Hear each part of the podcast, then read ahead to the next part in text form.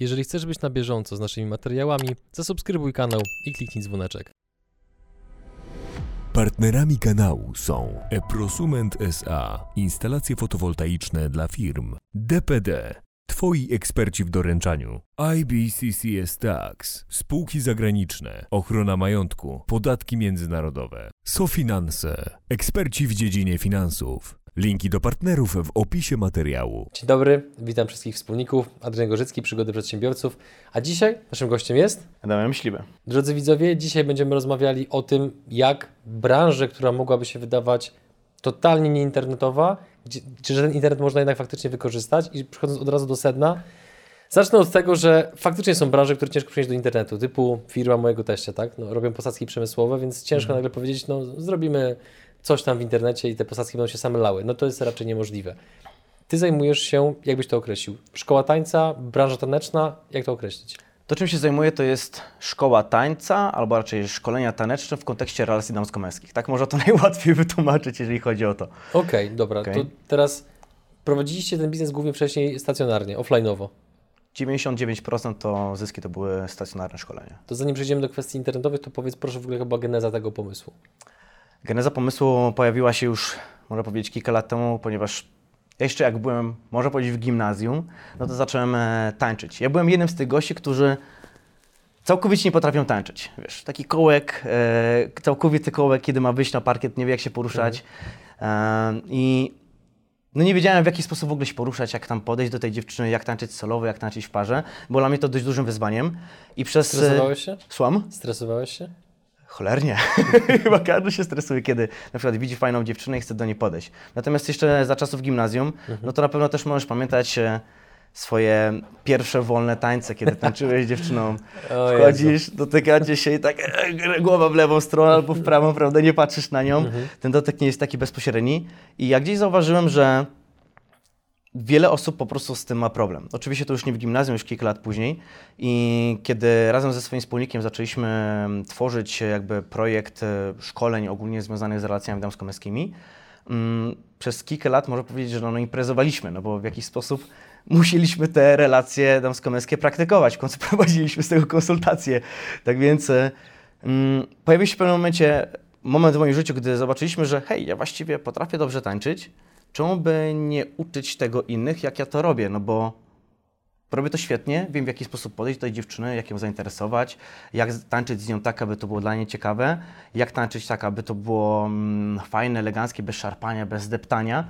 I w pewnym momencie stworzyliśmy e, materiały, stworzyłem e, szkolenie i zaczęliśmy to wypuszczać. I okazało się, że to był strzał w, w dziesiątkę, ponieważ osoby zauważyły, nasze, nasi klienci, że to im niesamowicie pomaga właśnie w kontekście tanecznym, no i budowania również tej pewności siebie. Czyli żebym dobrze zrozumiał, mm, bo teraz mówimy o genezie.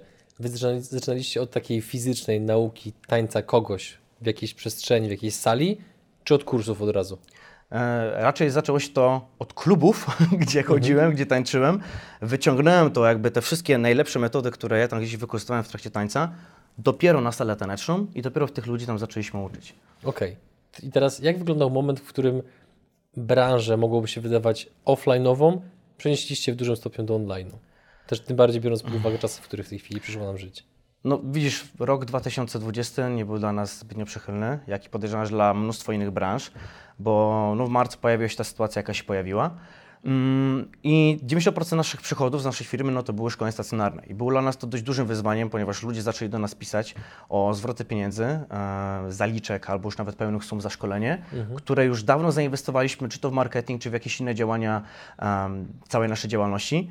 No i skończyło się na tym, że musieliśmy podjąć drastyczne można powiedzieć, kroki. Odcinamy kwestię stacjonarną, ponieważ tu nie mamy żadnej przestrzeni i wchodzimy w kwestię online'ową, gdzie dzięki Bogu przez kilka wcześniejszych lat udało nam się już robić kurs online, przez co mm, Zanim to było modne. zanim to było tak naprawdę modne, udało nam się to akurat wtedy wygenerować i to nam pozwoliło um, stworzyć paczkę kursów online'owych.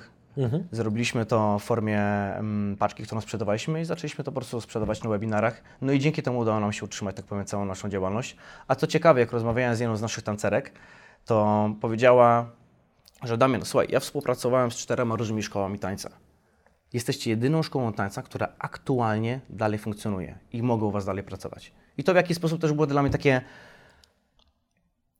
kurczę, fascynujące, że wszystkie szkoły tańca, które funkcjonowały stacjonarnie, w tym momencie tak naprawdę nie mają możliwości działać, a my jako jedna z tych szkół tańca, mając kursy online'owe, sprzedając na webinarach, generując jakieś obroty, które pozwoliły nam się utrzymać, czy to nas jako zarządu, czy jeszcze um, naszych pracowników, no było dla nas to po prostu bardzo przyjemne. Ilu klientów obsłużyliście bądź obsługujecie w tej chwili? W tym momencie obsłużyliśmy około 3,5 tysiąca osób w skali, można powiedzieć, tych 5 lat. Natomiast w skali roku jest to około, no mogę powiedzieć, no, kilkaset osób w skali roku, więc to jest całkiem sporo. Um, obsługujemy i mężczyzn, i pary. Mhm. No właśnie miało być moje kolejne pytanie. Kto jest jakby dominującym waszym klientem? Głównie mężczyźni. Okej. I te- I ten mężczyzna jaki ma profil? Przychodzi z jaką potrzebą? No nauczyć się tańczyć, oczywiście. A chodzi mi o to, jaki jest jego background. To jest przedsiębiorca, to nie jest przedsiębiorca. Po, po co on chce się w ogóle nauczyć tańczyć? Żeby poznać kobiety, żeby podnieść pewność siebie? Co się kryje jeszcze pod tą kolejną warstwą? Mhm. Zauważyliśmy, że większość osób, które do nas przychodzą, to głównie mają problem z tym, aby nauczyć się tańczyć. Ale my jako, mm, jak można powiedzieć, ja jako trener doskonale wiem, że to nie chodzi o taniec, tylko chodzi o to coś, co chodzi o to jakby ten niższy poziom, czyli tam jest ta pewność siebie, poczucie własnej wartości, kwestia samorealizacji, poczucia się, że jestem kimś wartościowym, a nie jestem kolejnym chłopakiem, który po prostu sobie nie radzi w życiu. I jeśli chodzi o naszych klientów, to w większości przypadków są to przedsiębiorcy, którzy nie mają czasu na to, żeby chodzić przez pół roku na kursy tańca, chodzić ze swoją narzeczoną, czy nawet sam ze swoją dziewczyną, mm, chodzić na te kursy tańca przez pół roku i dalej się niczego nie nauczyć. My uczymy ludzi tańczyć dwa dni. Jakbyś ty do mnie przyszedł, zresztą już rozmawialiśmy już za kamerą, że serdecznie Ciebie zapraszam. Przychodzisz do mnie A dwa ja dni. się zgodziłem. I się już zgodziłeś, tak, więc super. Przychodzisz do mnie na dwa dni, ja Ciebie uczę tańczyć od początku do końca. I taniec celowy, i partnerowanie, tak abyś nie musiał się zastanawiać, jaki jest kolejny krok. Nie musiał myśleć, ok, dobra, czy ja dobrze wypadnę, czy dobrze trzymam ramę, czy dobrze położę stopę, czy moja partnerka się dobrze czuje. To nie ma znaczenia. Ty masz się dobrze bawić i ona ma się dobrze bawić. To teraz zdradź mi wasz w pewien sposób insight, no bo słuchając tego z boku, nasuwa się aż naturalnie pytanie, jakim cudem w dwa dni uczycie czegoś, co czasami potrafi trwać miesiące albo jeszcze dłużej, jeżeli ktoś jest mniej pojętny albo mówiąc dyplomatycznie, ma mniej sprawnego nauczyciela. I to jest pierwsza część y, pytania. I druga, jak w ogóle wpadliście na to, żeby coś takiego zrobić? No bo to w, ten wątek można by było ubrać z takiego mema, na którym widzę o, na, napis Szkoły tańca ich nienawidzą. I dokładnie to słyszymy. No, no, no właśnie, więc proszę. E, Słuchaj, prawda jest taka, że w większości przypadków szkołę tańca uczą jakiegoś określonego stylu. Jak ty słyszysz taniec, to prawdopodobnie masz tam ukryte taniec towarzyski, salsa, czacza, prawda? Gdzieś tam po prostu jakiś konkretny styl. To, co my zrobiliśmy, Albo przetrwanie wesela. albo przetrwanie wesela zamiast z wujkiem Grześkiem cały czas, prawda? E, To, co my zrobiliśmy, to nie uczymy ani salsy, ani tańca towarzyskiego, ani czaczy, ani rumby, tylko to jest po prostu konkretny zestaw ruchów, który wystarczy Tobie jako mężczyźnie prowadzić partnerkę tak, żeby ona się dobrze czuła, nie myśląc o tym, czy dobrze trzymasz ramę, bo Ty tego nie potrzebujesz.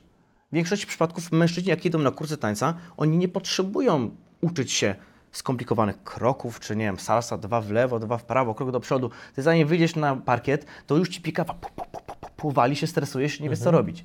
Z innym przypadku, kiedy idziesz na przykład do klubu, nie masz e, dziewczyny, chcesz poznać dziewczynę, no to co robisz? Chcesz wyjść na parkiet, ręce ci się trzęsą, idziesz do baru, pijesz kielicha, aby nabrać większej pewności siebie. Oczywiście to nie pomaga, albo w jakimś tam stopniu. Idziesz na ten parkiet i no i potem jest tak zwany tańc, wy, tańc połamaniec, ponieważ dziewczyna też nie wie jak się poruszać. I to co my zrobiliśmy, to stworzyliśmy zestaw ruchów, które każdy może zaadaptować do swojej jakby osobowości, żeby to nie było sztuczne, żeby to nie było wymuszone, nie musi być konkretnej choreografii, tylko robisz te kilka prostych ruchów, które wystarczą. Czy spotykacie się z zarzutami o pewnego rodzaju taką profanację sztuki tańca, że robicie koktajl taneczny zamiast jednego konkretnego stylu uczyć ludzi? Mm, Ze strony klientów, czy ze strony Ogólnie. tańca?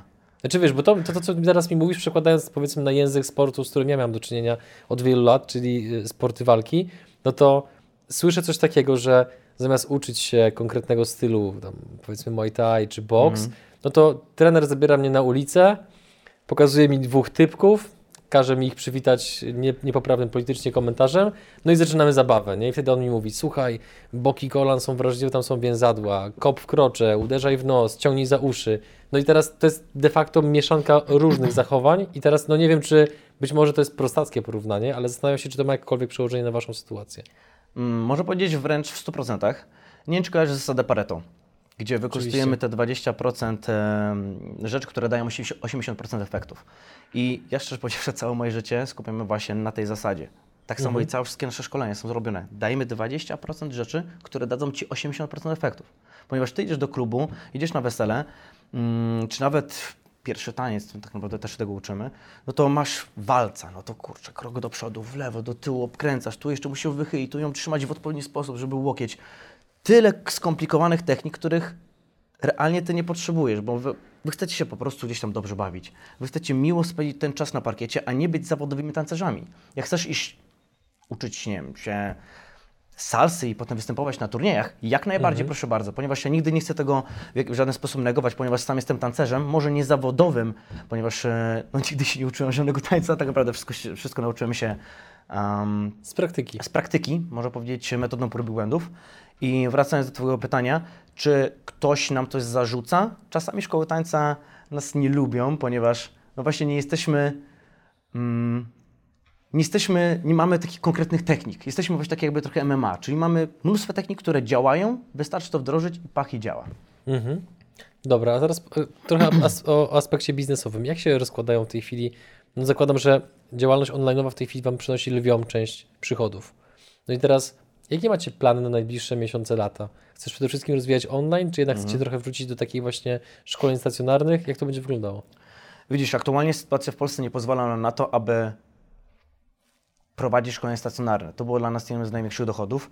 No i zarabialiśmy na tym całkiem fajną też kasę, ale w tym momencie, no tak jak powiedziałeś, te online są dla nas takim głównym motorem. Natomiast jesteśmy wręcz przekonani, że w następnym roku, styczeń, luty, marzec, już będziemy mogli prowadzić oficjalnie szkolenia. Te szkolenia będą po prostu mogły, mogły po prostu istnieć. I no będziemy dzięki temu tak naprawdę mogli dalej działać. Plan jest na najbliższe na przykład 5 lat stworzenie kilka filii w całej Polsce.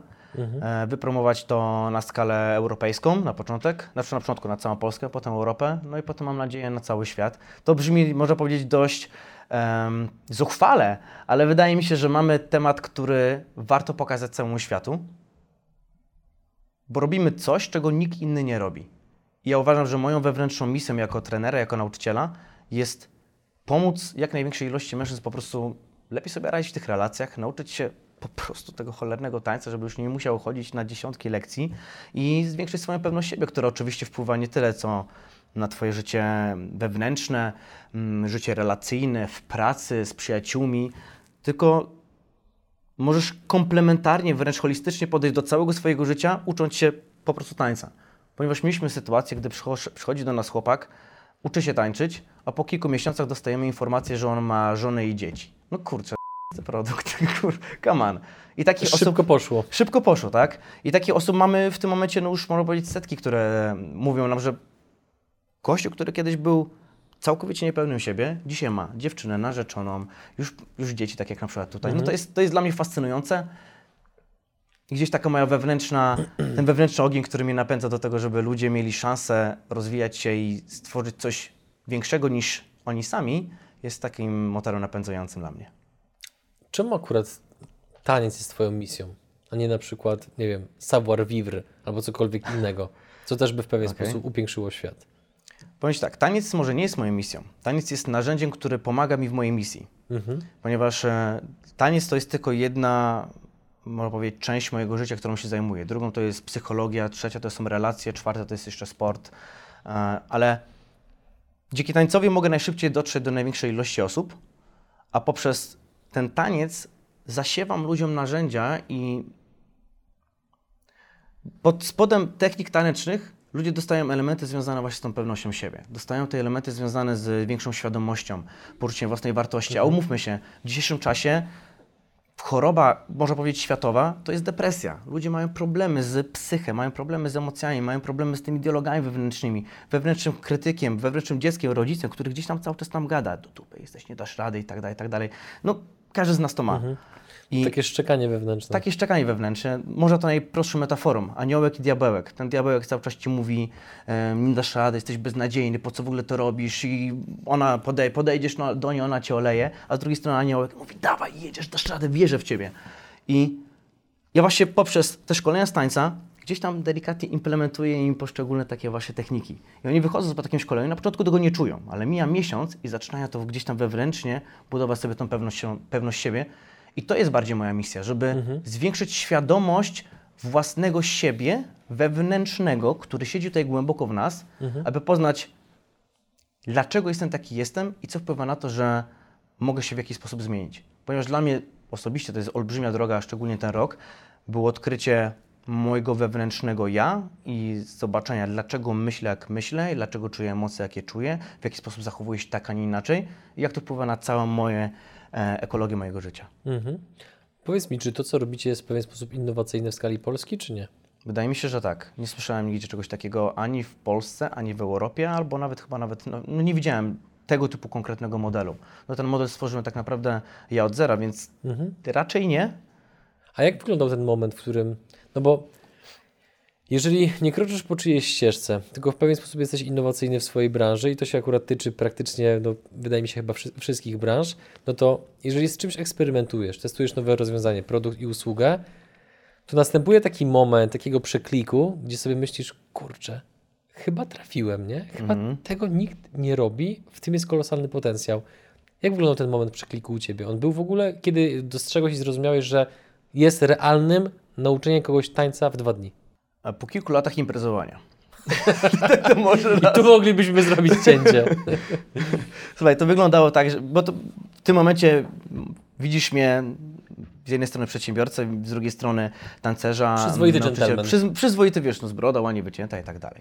Ale prawda jest taka, że moje początki były w 2011 roku, kiedy poznałem mojego przyjaciela i wspólnika i ja jeszcze mając ledwo 18 lat, zaczęliśmy się po prostu gdzieś tam się styknęliśmy, razem uczyliśmy się tak gdzieś tych relacji damsko-męskich. E, I w pewnym momencie mieliśmy taką rozmowę, gdzie ja mówię do niego, słuchaj Karol, ja jestem w stanie już uczyć innych. On do mnie mówi, okej, dobra, zróbmy to. Ja to zorganizuję, nie mam pojęcia jak, ale zrobimy to. I to był dla nas taki moment, gdy ja mając ledwo 18 lat, wyprowadziłem się z rodzinnego domu. Moi rodzice byli w ogóle w Watykanie, wrócili z tego Watykanu i mówię, mamo, tato, wyprowadzam się. Zresztą miałem też dość specyficznych rodziców, trzymali pod kloszem, ale to już inny temat. I poprzez też to trzymanie pod kloszem chciałem się wyrwać. Chciałem wreszcie wyrwać się z tych szpon rodziców. Oczywiście bardzo ich kocham, ale oni byli osobami, które nie pozwalały mi rozwinąć skrzydeł. A ja zawsze byłem tym gościem, który pierwszy wychodzi przed szereg, ten pierwszy, który jakby atakuje, ten pierwszy, który em, podejmuje działanie. Nawet mam wytatuowane na klatce piersiowej if you feel fear, fuck it, go in. Czyli jeśli czuję strach, mówiąc w wolnym tłumaczeniu, pieprz to, tak?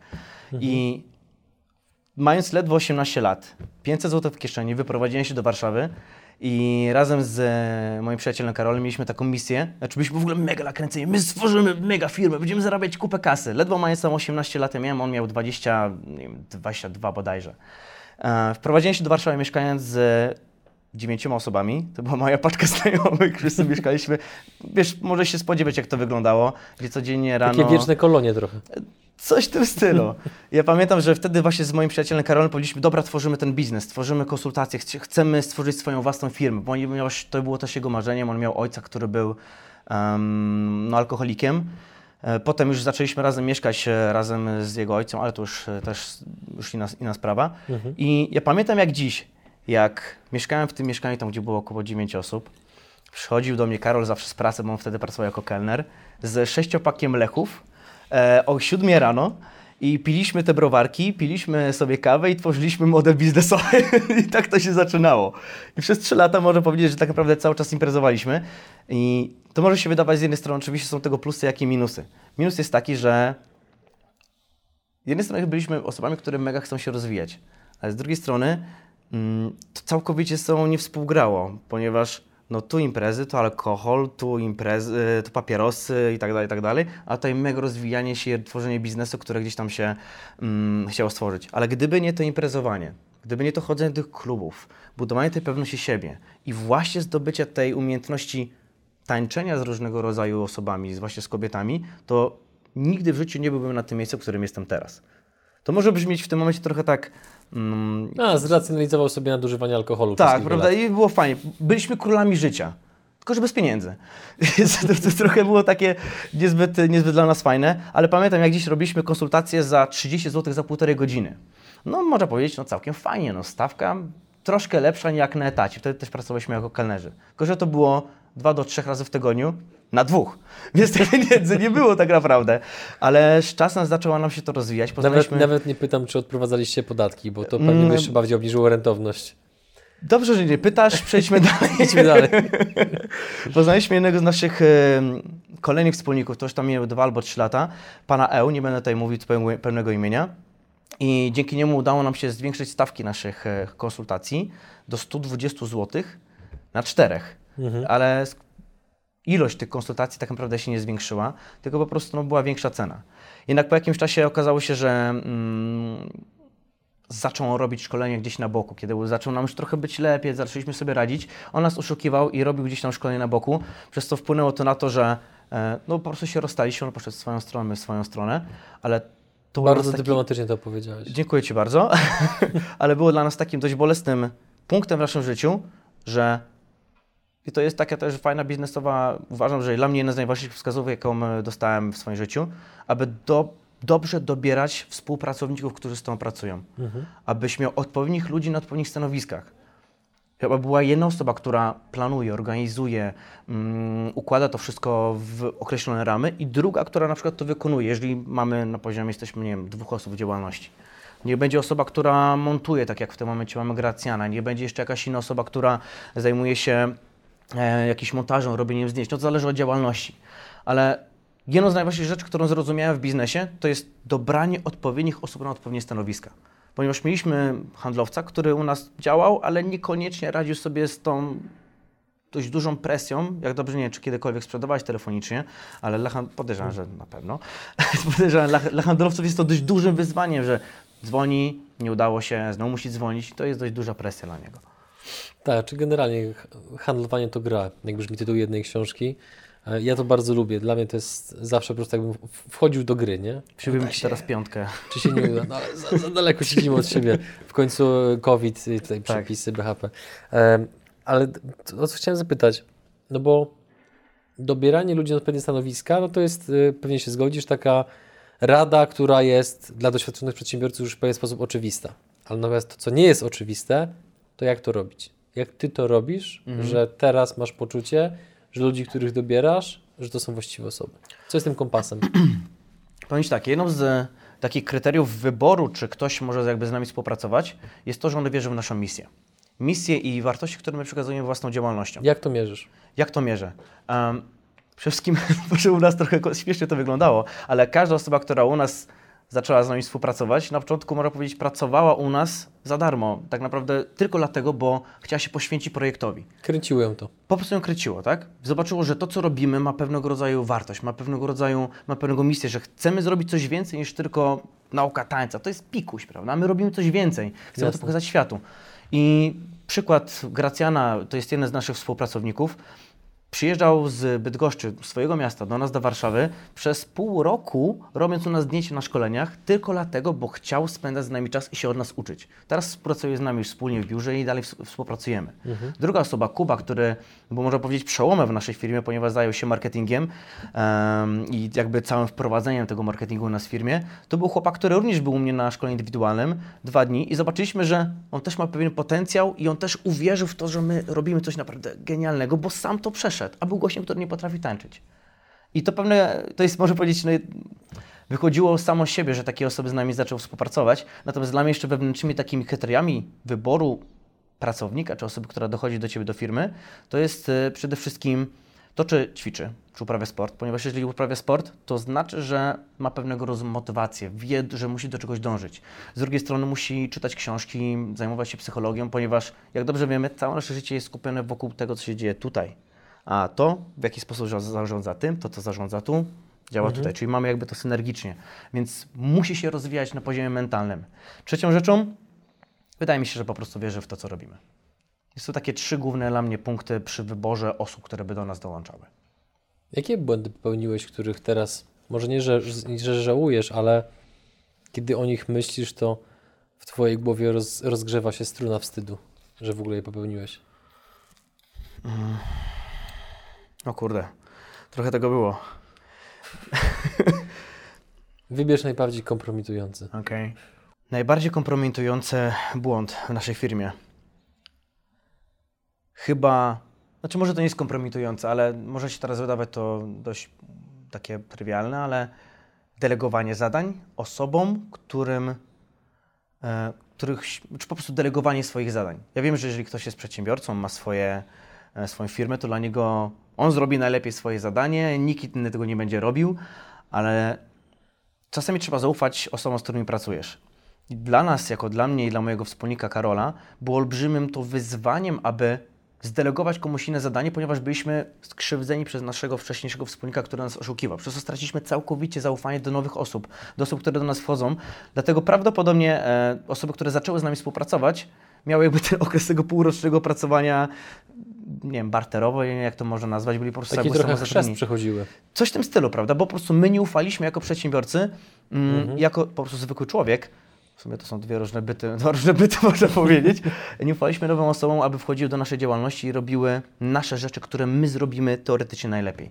Mhm. I gdyby nie wiedza psychologiczna, mentalna i praca nad zaufaniem komuś drugiemu, to podejrzewam, żebyśmy dalej byli w miejscu, gdzie zarabiamy 30 tysięcy rocznie i jesteśmy szczęśliwi.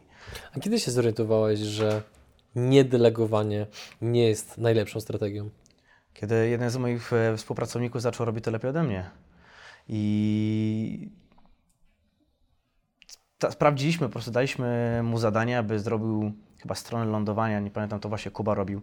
I zaczął to robić i okazało się, że robi naprawdę genialnie, świetnie, czuje właśnie ten marketing, ma to jakoś tak fajnie, naturalnie. I to chyba był gdzieś ten moment, gdzie ktoś zaczął robić coś lepiej niż ty myślałeś, że robisz najlepiej. I wtedy może było po prostu takiej osobie zaufać. Co byś zrobił inaczej, powiedzmy, plus minus 5 lat temu, co w Twoim odczuciu mogłoby teraz spowodować, że bylibyście w miejscu, gdzie jesteście 10 razy więksi? Mm. Na pewno masz takie przemyślenia. Jakby zakładam, że takie masz. Ja takie mam. Po prostu widzę, jak bardzo późno, świadomie zaczęliśmy wykorzystywać YouTube, gdzie przez długi czas robiliśmy pewne rzeczy po omacku. Oczywiście czasu się nie cofnie, no ale Mhm. można lepsze decyzje podejmować teraz. Więc co ty byś zrobił inaczej kilka lat temu, co by spowodowało, żebyście dużo szybciej urośli? Na pewno zacząłbym inwestować. Co to znaczy?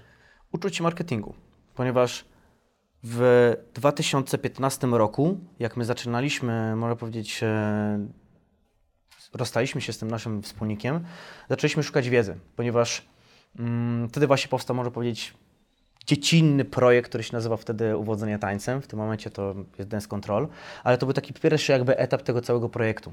I ja razem ze swoim wspólnikiem mieliśmy takie myśli, że czy ja chcę dalej tak żyć, jak żyłem wtedy? Czy ja chcę dalej tak imprezować? Czy co się musi stać, abyśmy wreszcie mogli zacząć na tym zarabiać, żebyśmy wreszcie mogli po prostu czuć się spełnieni i bardziej otwarci na to, żeby mm, móc stworzyć rodzinę, mieć to poczucie bezpieczeństwa. I zaczęliśmy przez pół roku szukać właśnie po sieci różnego rodzaju ekspertów od marketingu, można powiedzieć po całej sieci, kupując jakieś darmowe, tanie produkty albo jakieś, korzystając głównie z darmowych materiałów i okazywało się, że większość z tej wiedzy po prostu była nic nie warta. I wtedy trafiliśmy na Pawła Danielskiego. I to jest gościu, jak dobrze prawdopodobnie wiesz, no jest to Znam. Mhm. kultowy ekspert, e, jeżeli chodzi o internet, internetowy marketing, 20 lat na rynku i my zaczęliśmy korzystać po prostu z jego materiałów. Po, można powiedzieć, kilku miesiącach wdrażania jego rzeczy, zrobiliśmy pierwszą kampanię czterodniową, taką grudniową, gdzie zarobiliśmy 30 tysięcy w ciągu tam 4 dni. I dla nas to w ogóle był kosmos, ponieważ ja gdzie pracowałem jako kelner, to tyle nie zarabiałem przez cały rok. I razem z moim wspólnikiem mówimy, kurde stary, to jest to. Wreszcie mam jakąś fajną wiedzę. E, Po tej kampanii udało nam się, mm, weszliśmy w propozycję kampanii na 1 milion, również Pawła Danielskiego. Mm, Jednak nie udało nam się zrealizować założeń, jakby takiej wstępnej inwestycji, przez co no, po tamtym okresie też było dla nas to dość... Straciliśmy bardzo dużo motywacji, ponieważ to był dla nas krok wejścia w coś większego. Ale wszystko cały czas się sprowadza do tego, że my się chcieliśmy cały czas uczyć, cały czas wdrażać. I ja zauważyłem, że jednym z największych problemów większości przedsiębiorców jest to, że są takimi frikami wiedzy, ale nie frikami wdrażania tych, tych, tych rzeczy. Na przykład jak chodziłem na różnego rodzaju... Ciekawa obserwacja. No, zobacz, na pewno chodziłeś na różnego rodzaju szkolenia mm, z rozwoju osobistego. Czy to nie- Zdarzyło się. Zdarzyło się, prawda? I na pewno mógłbyś zauważyć, że tam jest przynajmniej połowa sali to są osoby, które chodzą tylko z jednego na drugie, jedno na drugie szkolenie, pompują się motywacją, super, mega, będziemy milionerami, będzie zajebiście. Po trzy dni po szkoleniu siedzą i dalej robią to samo. Pompują się tylko, zbierają sobie tą en en energię, która jest fajna, ale nic dalej z tym nie robią. I to, co my wyszliśmy z założenia, że nigdy nie będziemy em, uczyć czy robić tego, czego sami załóżmy nie przeżyliśmy. I tak samo było również tutaj. My musieliśmy wszystko sobie to przetrawić, wdrażać materiały po prostu, czy tam właśnie od Pawła, czy potem właśnie od Marka Piaska, który był również u Ciebie e, tutaj na rozmowie.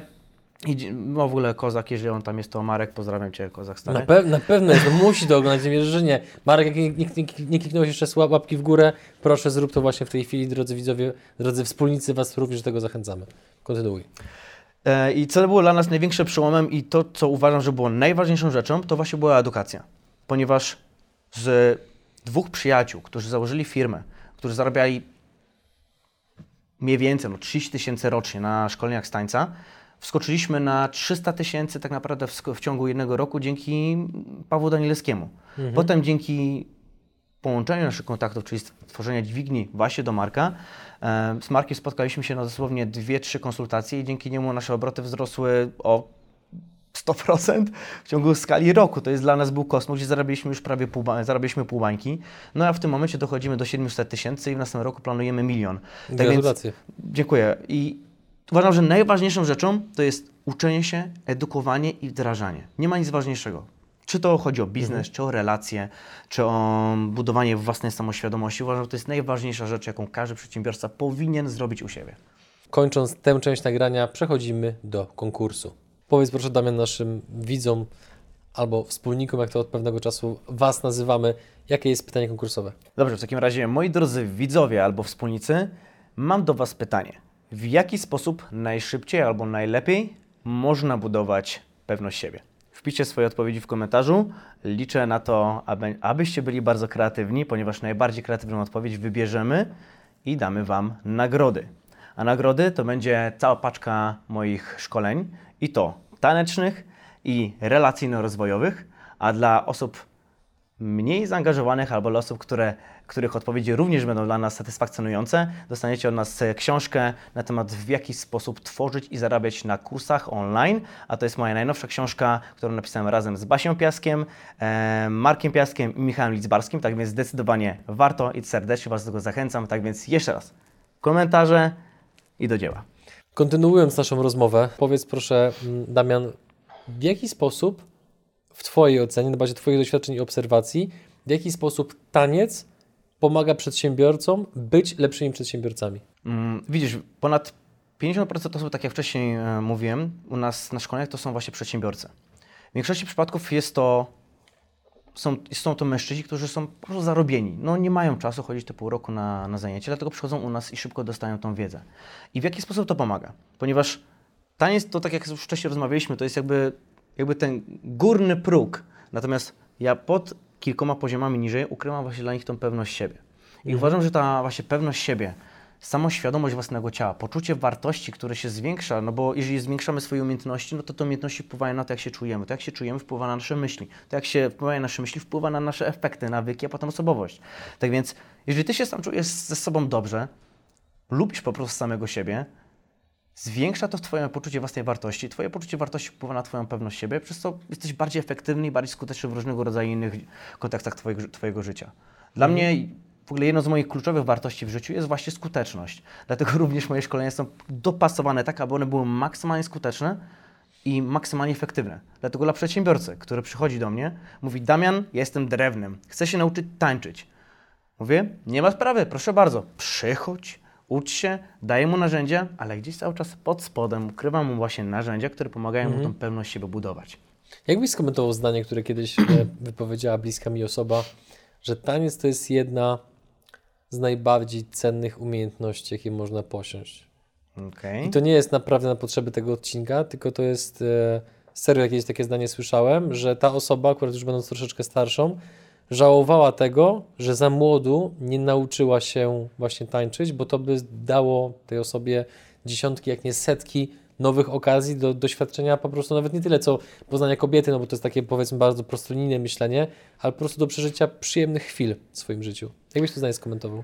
Powiem trochę może egocentrycznie. Z mojego punktu widzenia, dla mnie taniec zmienił całe moje życie.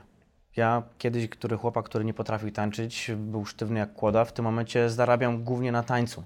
Ale to, co zauważyłem i bardzo też, też nawet całkiem niedawno dostałem niesamowitą wiadomość od kobitki, która miała 40-50 lat. Taka starsza po prostu kobieta. I napisała mi wiadomość, Damian, ja Tobie niesamowicie dziękuję za to, że wrzucasz te filmiki u siebie na, na YouTubie, bo ja się nauczyłam robić tego i ten ruch. 30 lat się blokowałam. 30 lat nie mogłam wyjść na parkiet i zmieniłeś moje życie. No napisała mi, ja się wręcz wzruszyłem czytając to, aż mi, może powiedzieć, no troszkę tam mi zapoleciała, ale ona sama też napisała, że dla niej to był w ogóle kosmos i że to jej zmieniło życie. Taniec, głupi filmik na YouTubie, który wrzucam po jakimś po szkoleniu. I to jest niesamowite, że z jednej strony to może się wydawać, że to jest tylko taniec, ale zobacz, zobacz, idziesz na wesele, ten taniec musi być. Będziesz miał pierwszy taniec, musisz mieć ten taniec. Idziesz sobie, nie wiem, na dyskotekę, poznać dziewczynę, musisz mieć ten taniec, to znaczy musisz. Warto, żeby to mieć. Jak gdyby nie taniec, nie miałbym mojej narzeczonej. Gdyby nie miał e, umiejętności tanecznych, nie poznałbym jej i za pół roku bym nie mógł mieć z nią em, wesela. I podejrzewam, że 3,5 tysiąca osób, które z nami współpracowały, które były naszymi klientami, mogą powiedzieć bardzo podobnie. Więc ten taniec uważam, że jest jedną z tych części życia, które większość ludzi się boi, Mhm. Ale może wpłynąć na kontekst całego życia.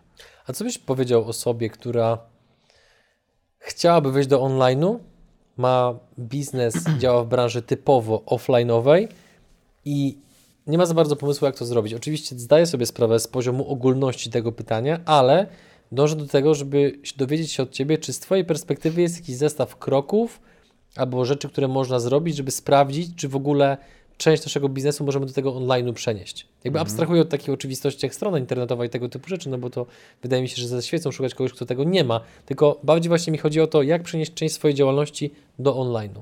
Jak to wyglądało na przykład w Waszym przypadku? Mm, W naszym przypadku wyglądało tak, że no my akurat byliśmy na tyle ubezpieczeni, że już pewnego rodzaju kursy taneczne mieliśmy, ponieważ zauważyliśmy, że może prowadzić szkolenie stacjonarne, ale jednocześnie czemu by nie robić dokładnie tego samego, jeżeli model działa, przenieść to całkowicie na online i zbudować, na razie mówię o tańcu, zbudować narrację, że da radę nauczyć się tańca online'owo. Ponieważ jest na przykład technika tańca z cieniem. Ty mm, ćwiczysz sztuki walki. Na pewno kojarzysz mm, technikę e, walki z cieniem. Na każdym treningu.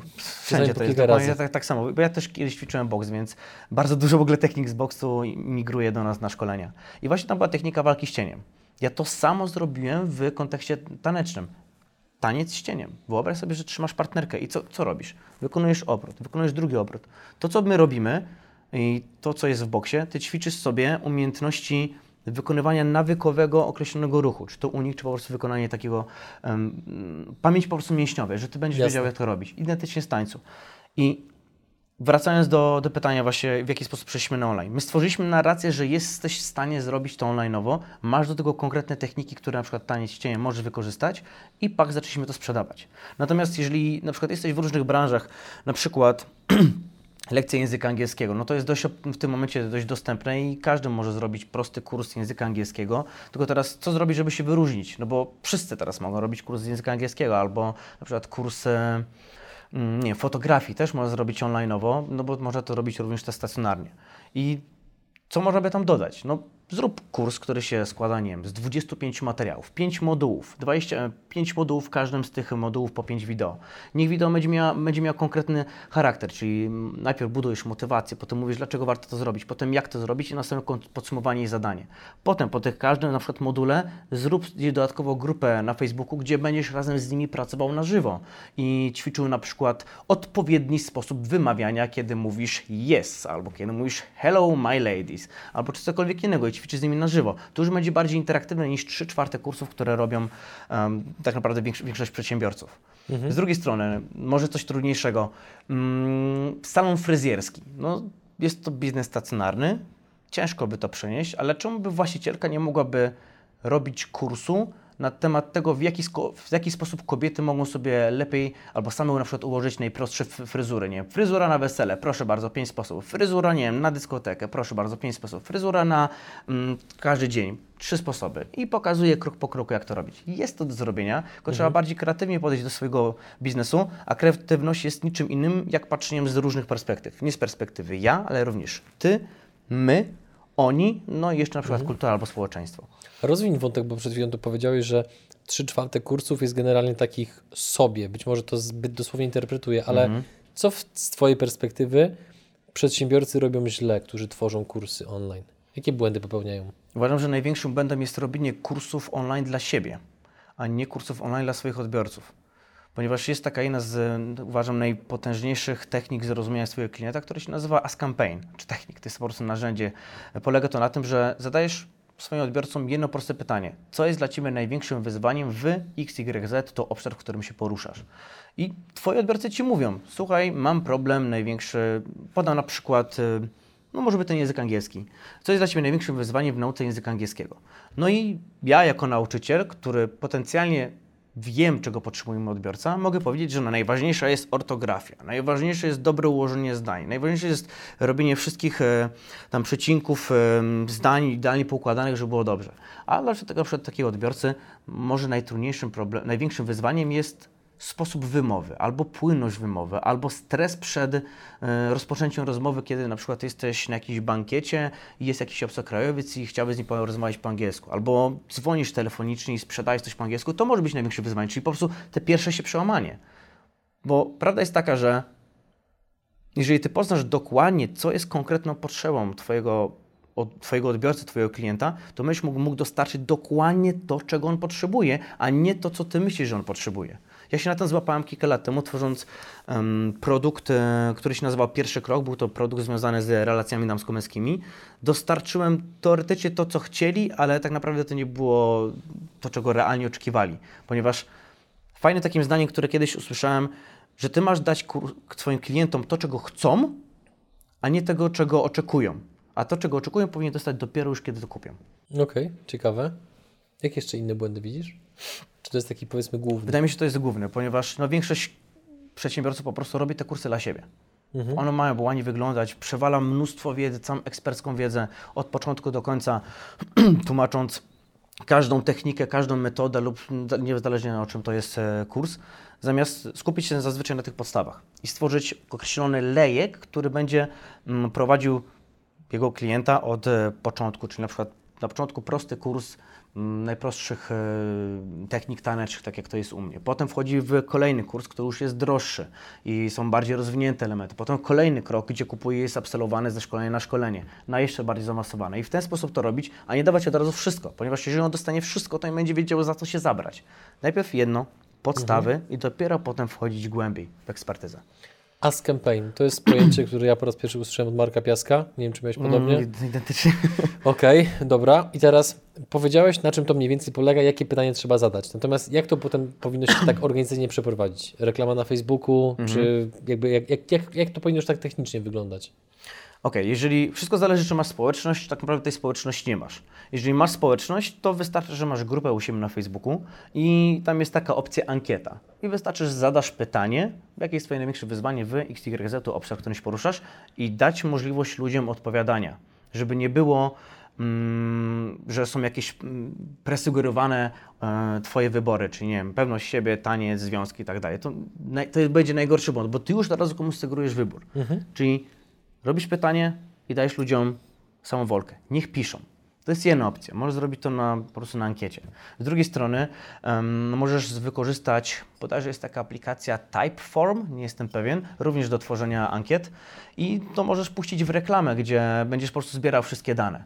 I najłatwiej to zrobić tak, że wpisujesz to jedno pytanie, nawet nie musisz brać maila, bo to nawet nie jest Tobie potrzebne, tylko zbierasz pytanie i odpowiedź.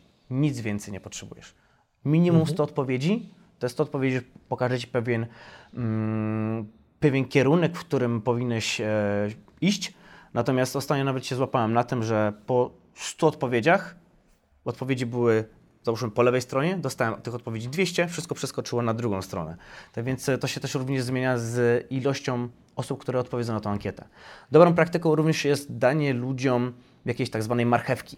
Czyli robisz ankietę i w ramach tego, że on wypełni tę ankietę, otrzyma od Ciebie na przykład prezent, dostęp do 3-godzinnego materiału wideo na temat XYZ, temat, którym się poruszasz. I to będzie też gdzieś tak bardziej motywujące, przez co pozbierasz te dane i potem możesz dopiero te dane analizować, wybrać najbardziej mm, częściej pojawiające się odpowiedzi i na podstawie dopiero tego tworzyć swoje materiały.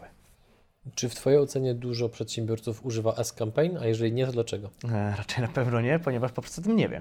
Nie wie, że najlepszą techniką sprzedaży jest po prostu pytanie swojego odbiorcy, czego ode mnie potrzebujesz, czy mogę Ci pomóc. Nie masz wrażenia, że to jest tak oczywiste, że to aż boli? No właśnie o to chodzi. Dla mnie to jest pewnego rodzaju fenomen, nie? Tak. że jak się rozmawia z przedsiębiorcami, to ma się wrażenie, że każdy wie, że należy klientów pytać w pewien sposób o zdanie, tak? Co jakiś czas oczywiście znajdzie się as, który powie, no tak, ale kiedyś Henry Ford powiedział, że jeżeli zapytasz ludzi, czego pragną, to powiedzą, że szybszego konia, a nie samochodu. Okej, no dobra, no, w porządku, ale mówimy o takich większości przypadków, więc to jest dla mnie właśnie fenomen, z czego to wynika, że przedsiębiorcy często bardzo dużo bardziej ufają jakiejś takiej swojej intuicji, aniżeli temu, żeby, żeby po prostu zapytać. po prostu suchej, twardej wiedzy. Ja Mhm. jestem bardzo analityczny też. Wolę dostać wiedzę, patrzę, ok, to zrobiła na przykład Basia Piasek, zrobił to Marek Piasek, zrobił to Piotr Piasek, czy mnóstwo innych niesamowitych osób, które mnie inspirują. Ja widzę, że Basia Piasek robi Ask Campaign i ja to widzę, że wrzuca teraz post na Facebooka, robi reklamę i mówię, no to jest coś, co trzeba robić, nie? I zaczęliśmy potem już w pewnym momencie zacząć pra- współpracować z, z Basią i ona powiedziała, Damia, to jest pierwszy krok, który powinniście zrobić. Okej, dobra, Ask Campaign, pak, zrobiliśmy, pak, zro, zrobiliśmy Ask Campaign, zebraliśmy dane i sprzedaliśmy produkt, który w tym momencie no, nam generuje już kilkadziesiąt tysięcy złotych, można powiedzieć, miesięcznie. Tylko ten jeden prosty krok tak naprawdę wystarczył, żeby zrozumieć, czego mój odbiorca po prostu potrzebuje. To jest that's so easy, nie? Po A prostu. jak zrobiłeś S-Campaign, to powiedzmy, zwłaszcza tą pierwszą, to czy byłeś zaskoczony tym, co piszą ludzie, a co Ci się wydaje? Zdecydowanie tak.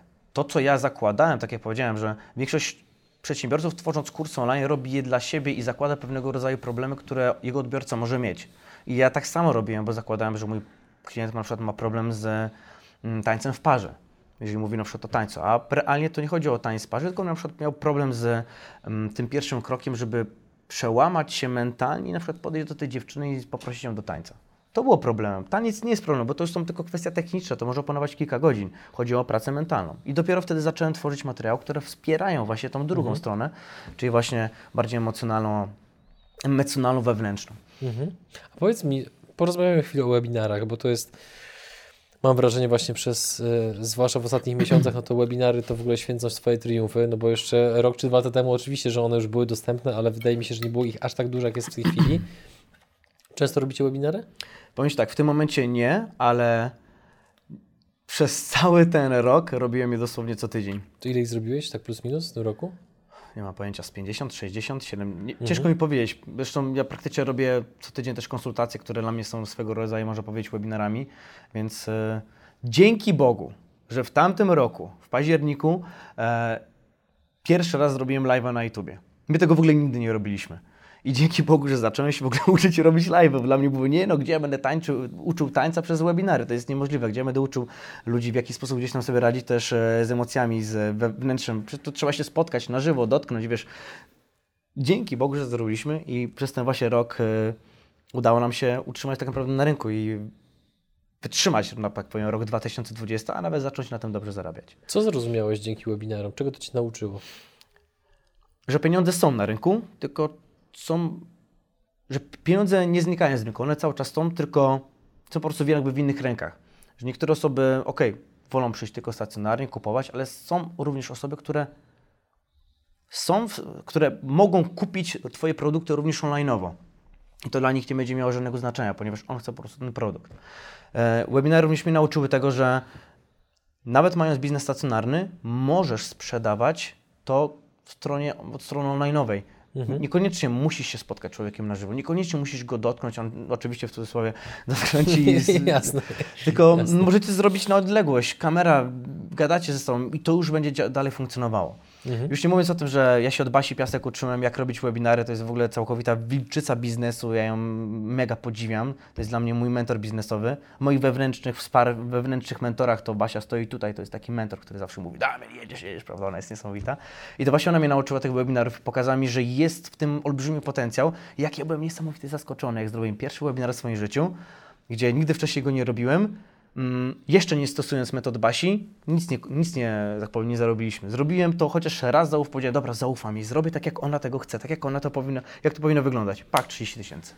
Kurde, co jest, prawda? Webinary są niesamowitą formą, najszybszą formą sprzedaży. Jedyne, co robisz, tworzysz webinar, wcześniej robisz e, najprostszą reklamę, która będzie ściągała ludzi na stronę lądowania. Z tej strony lądowania, która musi być wysoko skuteczna pod względem konwersyjnym, generuje ci te osoby, które przychodzą. Prosta kolejka mailowa, trzech wiadomości i kieruje się na webinar i zaczynasz im dawać wartość, pokazuj, daje, dawać wartość, rozwijając jeszcze na przykład trzy główne obiekcje przed zakupem Twojego produktu, a na samym końcu pak, sprzedaż. Słuchaj, tu masz rozwiązanie tego, co, o czym rozmawialiśmy dzisiaj przez całe szkolenie. Bierz to za taką cenę taniej. No i właśnie, bo trochę wyprzedziłeś moje kolejne pytanie, ale to dobrze. Mm, Co jest kluczowe z Twojej perspektywy, biorąc pod uwagę Twoje doświadczenia, żeby prowadzić skuteczny webinar? No bo webinar sam w sobie nie jest perpetuum mobile, to jest po prostu kolejne narzędzie i wiadomo, że jak przed tą kamerą będziesz albo zestresowany, albo nieprzygotowany, albo będziesz miał kiepską ofertę, bo na przykład nie zrobiłeś as campaign, wszystko się nagle zazębia, no to wiadomo, że do wyniku nie dowiedziesz. Natomiast co z Twojej perspektywy jest kluczowe, żeby webinar właśnie dowoził bi- biznesowy rezultat, oprócz podnoszenia tętna? No co najwyżej, e, no każdy webinar na pewno dla początkującego, tak powiem, To jest huśtawka, To, to nie? jest huśtawka, tak. No tam jest dość, dość duży, wym- Mhm. dużo różnych stresów. Wiesz, stoisz przed kamerą albo, albo siedzisz i nagle suche usta. Cześć, witam Was, prawda? Jest to, jest to wymagające. Natomiast e, już Jeszcze ktoś nie, w komentarzu pisze, o, chyba się stresuje.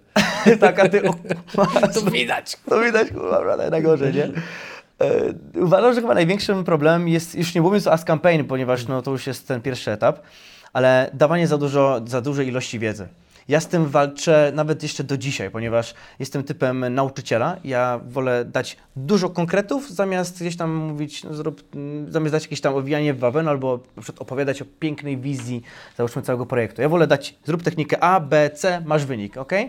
I ja z tym walczyłem, robiąc własne webinary dopiero również tego mnie Basia uczyła, mówiąc mi, Damian, nie dajesz im całej wiedzy.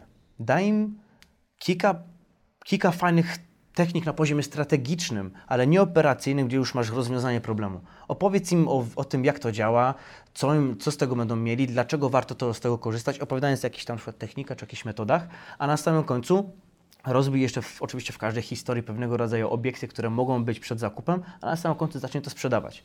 I największy problem, tak jak to jest, dla przedsiębiorców czy dla osób, które robią webinary, jest zdawanie za dużo wiedzy, za dużo wiedzy mm, naraz, ponieważ to nie sprzedaje. Człowiek będzie przytłoczony tym wszystkim, przez co będzie słuchał po którejś godzinie mówi, ja pier- no, kolejna dwie, albo kolejne dwie godziny słuchania o na przykład na jakichś tam kwestiach biznesowych, czy cokolwiek, to już zależy od tematu. Albo z drugiej strony mm, całkowity brak świadomości tego, że trzeba rozbijać określone obiekcje zakupowe, ponieważ zanim osoba kupi, no to może mieć obiekcje, czy na ile będzie miał na przykład do tego dostęp, czy na rok, ile to kosztuje, czy jest możliwość zwrotu, czy powinna być gwarancja. No i tam jest mnóstwo obiekcji, o których większości przedsiębiorców po prostu nie ma pojęcia, że warto to rozbijać. A to wszystko trzeba rozbijać prostym, mogę nawet podać prosty model. Był mi się otwiera, nie wiem, czy chcesz, mogę... Proszę. Proszę bardzo. Ty na pewno też go znasz, bo Basia go uczyła, więc ja się też uczę od Basi. Coś tam liznąłem. Coś tam liznąłeś. No najprostszy model. Mamy, e, cały webinar powinien się składać z trzech technik albo trzech strategii i każda z tych strategii e, składa się z niczego innego jak historia, znaczy pytanie, historia, e, rozbicie obiekcji. Pytanie, czy na przykład mamy temat, na przykład Ask Campaign. No to, to jest jedna z moich technik. I zadaję pytanie moim e, webinarowym e, uczestnikom.